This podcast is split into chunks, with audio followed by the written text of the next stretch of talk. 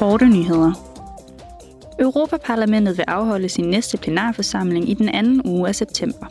På plenarforsamlingen vil parlamentet blandt andet drøfte en styrkelse af den europæiske forsvarsindustri, vandforurenende stoffer og beskyttelse af geografiske betegnelser for håndværks- og industriprodukter.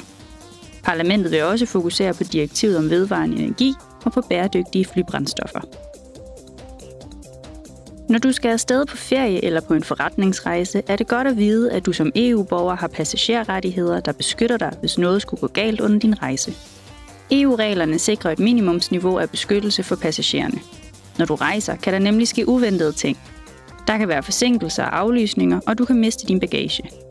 Derfor har parlamentet været med til at indføre EU-regler, der forpligter transportvirksomhederne til at tilbyde de rejsende måltider, indkvartering, tilbagebetaling og kompensation, hvis der sker noget.